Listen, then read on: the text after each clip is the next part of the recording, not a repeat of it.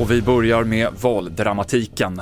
Färre än 50 000 röster och bara ett mandat ser ut att väga över till högersidans fördel i årets riksdagsval, även om vi väntas ha ett färdigt resultat först på onsdag. Och det var en dramatisk kväll och natt där vallokalsundersökningarna tydde på en rödgrön vinst, men där de borgerliga gick om när den största delen av rösterna hade räknats. Åsa Roxendal i Malmö blev förvånad i morse. när jag lämnade tvn så var det det, det rödgröna blocket som, som var i uh, topp så att säga. Men uh, nej, jag blev förvånad när jag vaknade i morse och såg att ni uh, hade ändrats under natten. Absolut. Ja. Alltså, det är ju upplagt för att alla ska bli missnöjda. Ehm, men samtidigt är det väl bra att det är jämnt liksom, för att då får ju alla säga vad de tycker.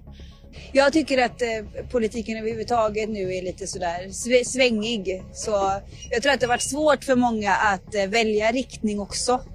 Senare hörde vi Hanna Lönegren och Therese Eriksson i Göteborg. Analyser och reaktioner på valresultatet och all vår eh, valrapportering hittar du på tv4.se. Det blev långa fängelsestraff efter en skjutning i en rondell i Bunkeflostrand i Malmö i vintras då en man i bil blev beskjuten från en annan bil mitt i eftermiddagsrusningen. Även en bostad i närheten träffades av skott, men ingen skadades i den här händelsen. Två män döms nu till 12 års fängelse för mordförsök. Och i Storbritannien så talade kung Charles till parlamentet för första gången för en stund sedan. Drottning Elisabeths kista ligger i katedralen i Edinburgh där människor under dagen får möjlighet att se den och att hedra drottningen. Kistan flygs sedan till London imorgon.